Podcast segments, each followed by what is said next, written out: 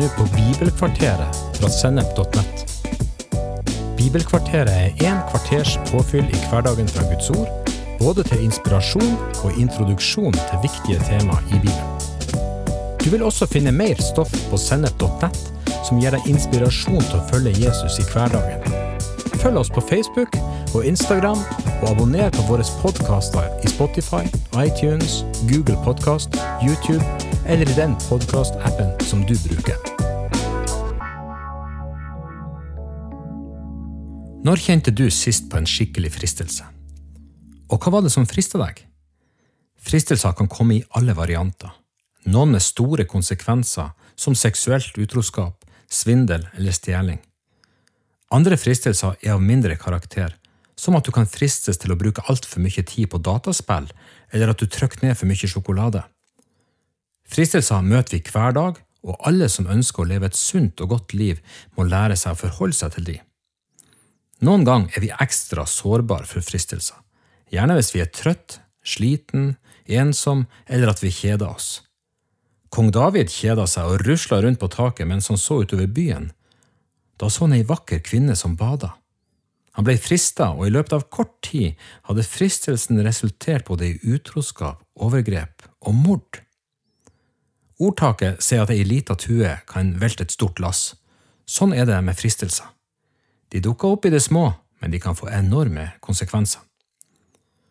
Når man snakker med menn, pleier man gjerne å kategorisere det som de tre g-ene – girls, gold and glory. For å gjøre det aktuelt for alle kan vi heller si sex, penger og makt. Du kan også kalle det for kroppens begjær, øyenes begjær og jakta på makt eller posisjon. Fristelser knytta til disse tre kategoriene er sentrale i de fleste Hollywood-produksjonene, og de gir rom for mye spenning og dramatikk. Men fristelsene eksisterer som sagt ikke bare i filmer. Vi møter de hver dag, og da oppleves det som noe helt annet enn god underholdning. Det kan føles som en kamp på liv og død. Resultatet av fristelsene kan være frustrasjon, skam og skyldfølelse, og dersom de får rom, vil de gjerne føle til en følt distanse til Gud. Ikke at Gud trekker seg bort fra oss, men selvfordømmelsen gjør at vi trekker oss bort fra Han. Nå kan vi alltid komme til Jesus og få tilgivelse og renselse fra våre feiltrinn, men vi ønsker jo selvfølgelig noe enda bedre. I tillegg til tilgivelse ønsker vi nåde til å stå imot fristelsene når de kommer. Nåde til å gjøre det som er rett, i stedet for til stadighet å dumpe ut i den samme gamle søledammen. I Bibelens verden snakker vi gjerne om fristelser i forbindelse med synd. Det starta ut tidlig i første Mosebok, rett etter skapelsen. I utgangspunktet var alt godt. Menneskene hadde alt det de trengte, i tillegg til at de faktisk kunne nyte fellesskapet med Gud. Men så kom fienden med en fristelse.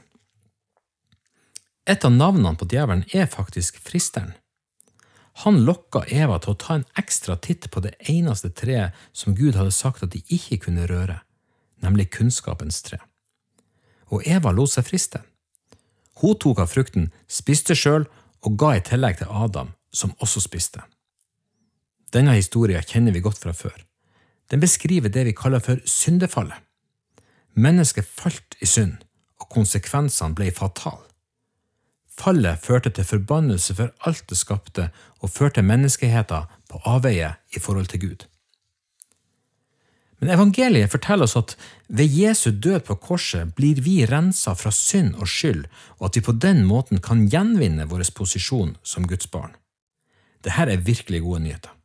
Vi er nye skapninger i Kristus. Tilgitt, rensa og rein. Og så har vi fått en ny natur som gjør at vi fra vårt indre kjenner behov for å leve rent og godt, til ære for Jesus. Problemet er at fristelsene fremdeles kan dukke opp. Og hva gjør vi da? Verden rundt oss kommuniserer til oss gjør det du kjenner du har lyst til, bare det ikke går ut over noen andre. Men vi som kjenner Gud, vet at det ikke er alt som likevel gir gode konsekvenser og derfor vil vi heller lære oss å stå igjennom fristelsene. Jakobs brev kapittel 1 vers 12-17 forteller oss litt om fristelser. Der står det Salig er det mennesket som holder ut i fristelser, for når han har stått sin prøve, skal han få livets seierskrans, som Gud har lovet dem som elsker han. Ingen som blir fristet, må si det er Gud som frister meg. For Gud fristes ikke av det onde, og selv frister han ingen. Alle blir fristet av sitt eget begjær, som lokker og drar. Når lysten er blitt svanger, føder den synd, og når synden er moden, føder den død.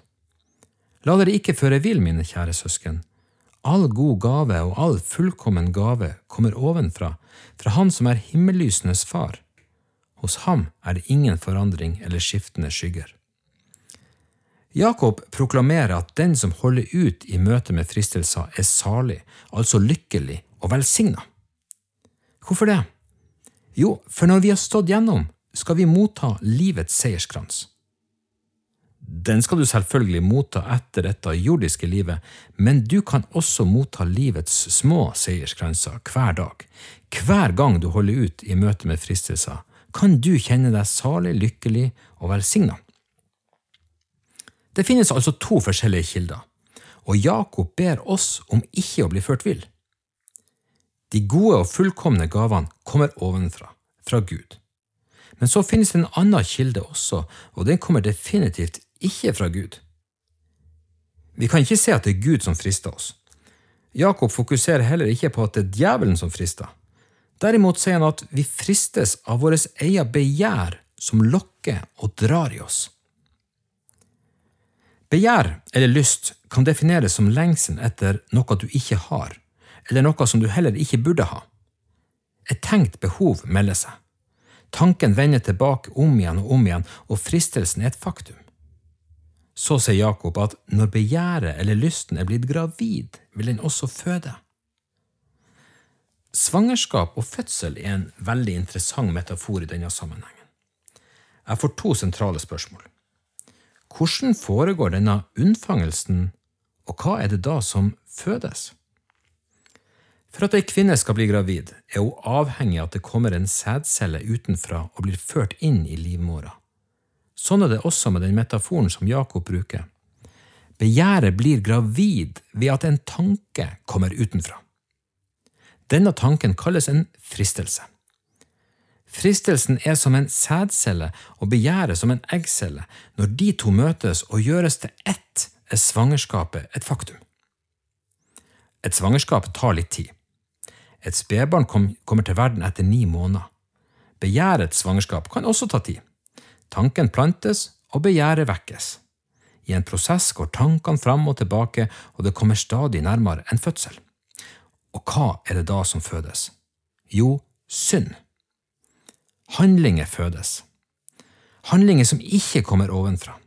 Ord og gjerninger som ikke representerer vår sanne identitet som kristne, men som er et resultat av at kjøttet, den selvfokuserte delen av vår menneskelighet, kommer i førersetet mens ånden havner i bagasjerommet. Kjenner du deg igjen i dette? Situasjoner der fristelsen ble for stor, og du plutselig tok et steg. At fristelsen førte deg inn i ord eller handlinger som ga deg oppmerksomhet på andre sin bekostning. Eller handlinger som ga deg noe som ikke var ditt, eller førte deg ut i en eller annen form for urenhet.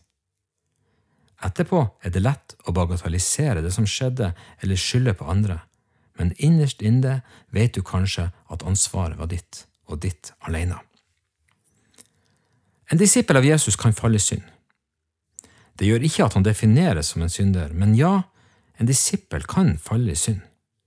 Det har vi alle erfart. Det starter med en tanke og et begjær, og så sier Jakob at begjæret føder død. Det er så utrolig mange kristne som har glidd bort fra et velsigna liv på grunn av at de ga rom til en fristelse og ga døden en anledning til å virke. Vi trenger nåde til å stå imot fristelser før vi kommer så langt, men hvordan kan vi gjøre det? Jo, vi må helt enkelt starte hos Jesus. Hebreerne 4, vers 15–16 sier, For vi har ikke en øverste prest som ikke kan lide med oss i vår svakhet men en som er prøvet i alt på samme måte som vi, men uten synd. La oss derfor frimodig tre fram for nådens trone, så vi kan finne barmhjertighet og finne nåde som gir hjelp i rette tid. Vi inviteres til nådens trone.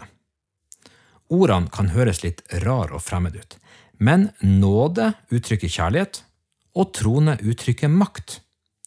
Jesus tilbyr oss både medfølelse og hjelp til forandring. Uansett hva vi møter på bakgrunn av våre svakhet og fristelser, så lider Jesus med oss. Han bryr seg virkelig. Og så vil han gi oss hjelp til forandring. Noen prøver å stå imot fristelser ved å lage perfekte rutiner og klare det i egen kraft. Noen er hard mot seg sjøl og pålegger seg sjøl straff, mens andre igjen spiller offerrollen. Noen psykologiserer problemet, og andre overåndeliggjør det. Men hva er det vi egentlig trenger?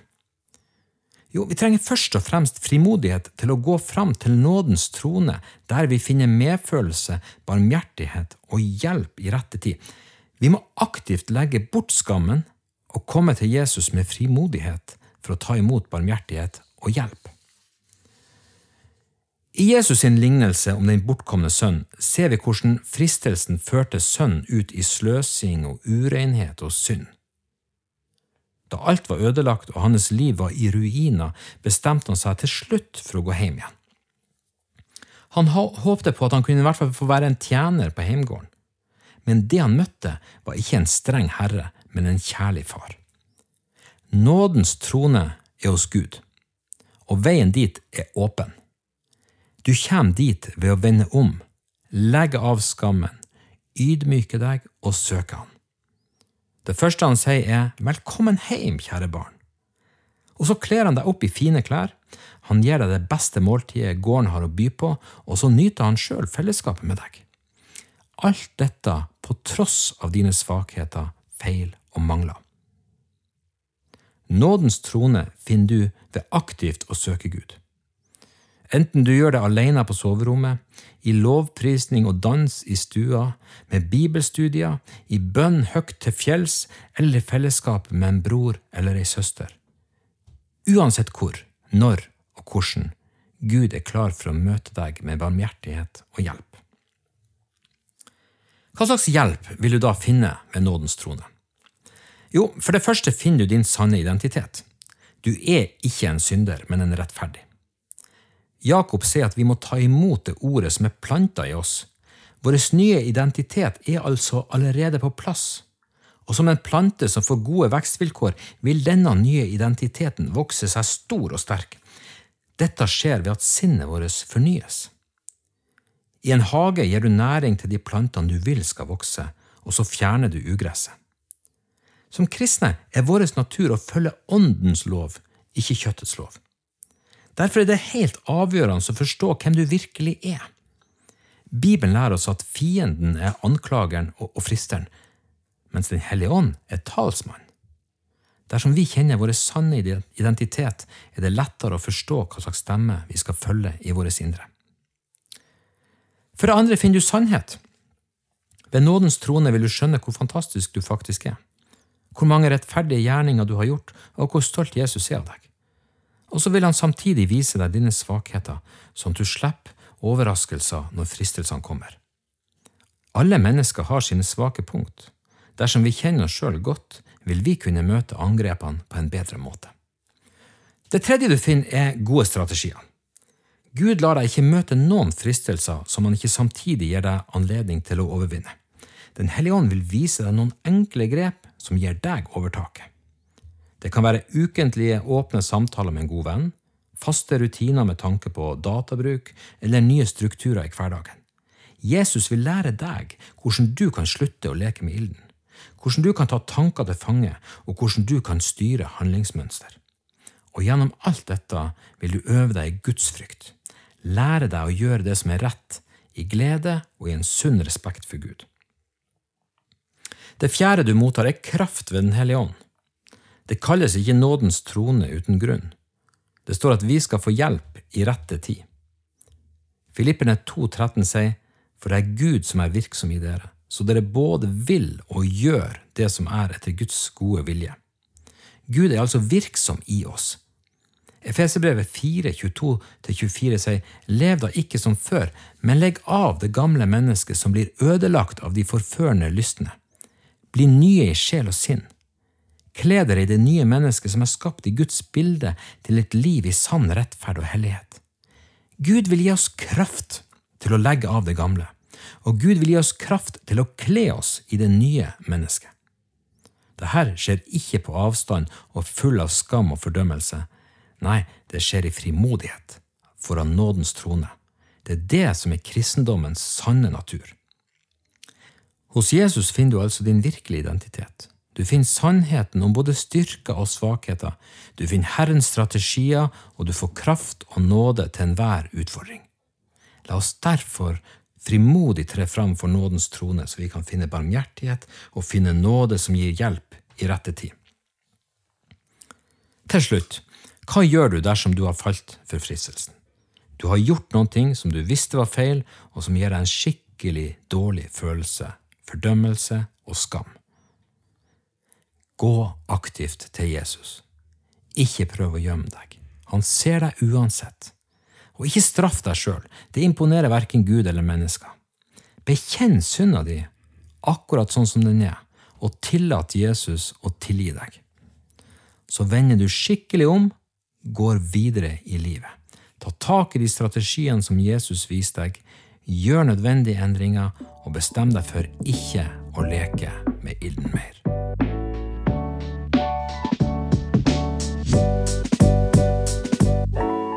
Du har hørt en episode fra Bibelkvarteret på sennep.nett. Du vil også finne mer stoff på sennep.nett som gir deg inspirasjon til å følge Jesus i hverdagen. Innholdet på Sennep er gratis og tilgjengelig for alle, takket være økonomisk støtte fra kristent nettverk, menigheter og enkeltpersoner. Du kan også hjelpe oss ved å be for oss at vi skal forkynne ordet med frimodighet, ved å dele innholdet vårt med venner og bekjente ved å rate podkastene våre på iTunes eller i podkastappen som du bruker. Eller ved å gi en engangsgave på VIPS. VIPS nummer 54 66 68. Takk for at du lytter til sennep.nett.